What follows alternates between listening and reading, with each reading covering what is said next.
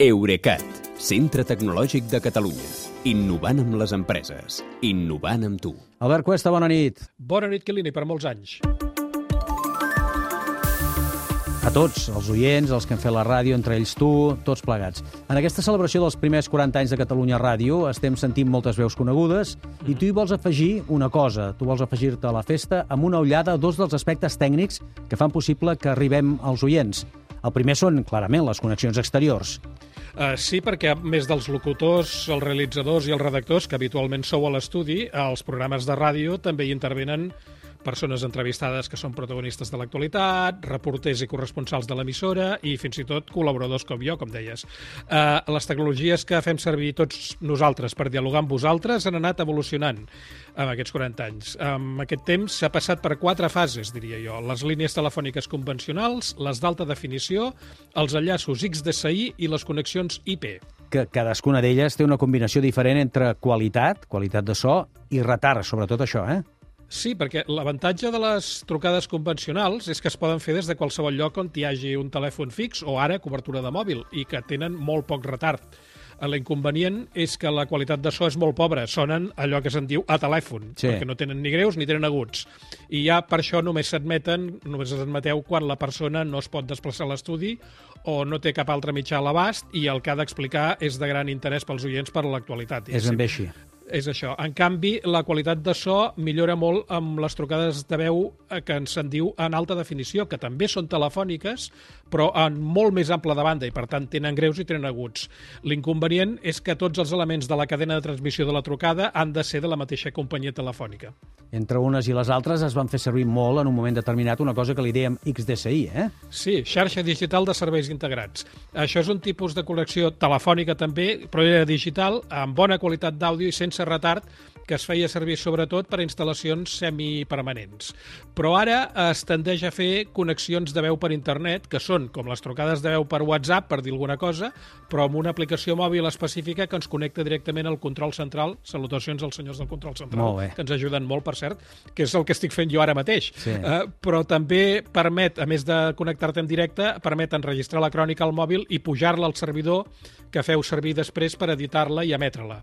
Uh, els reporters d'exteriors uh, ara ja no tiren de mòbil, sinó que van amb un terminal portàtil que s'anomena Quantum, que té dues targetes SIM 4G o 5G, que són de companyies diferents per tenir redundància, i que també es connecta a un servidor central del control de l'emissora.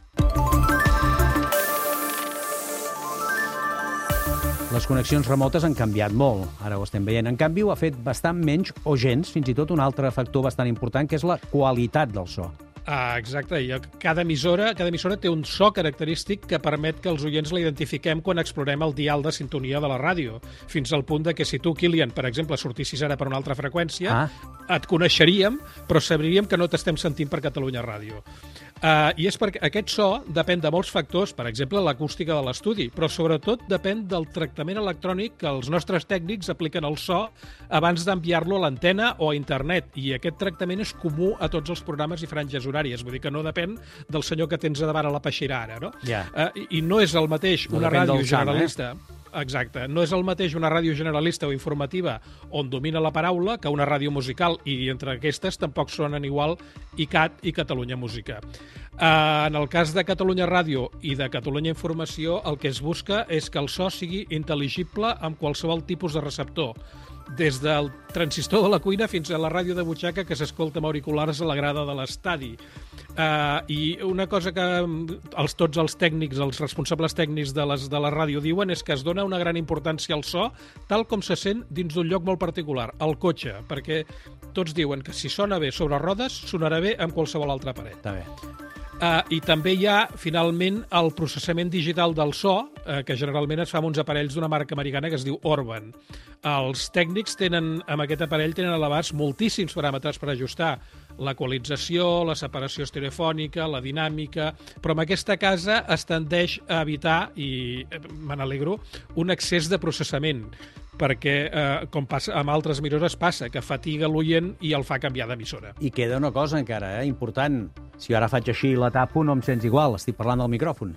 I tant que és important. Els estudis de Catalunya Ràdio es fa servir sobretot un model relativament antic, que és el 441 de la marca alemanya Sennheiser. I tant. I, i, es va, I es va triar per la qualitat dels sons greus, que per cert eh, hi ha una curiositat que hi té a veure, que és que el teniu configurat amb la modalitat de captació de música i no amb la de veu, com seria d'esperar. Això és la màgia dels tècnics i de la ràdio. Dels tècnics de la ràdio, Exacte. sí, sí. Molt bé, escolta'm, molta màgia i molta tècnica, això és el que compta. Que vagi bé, una abraçada. Bona nit, Kilian. Fins demà.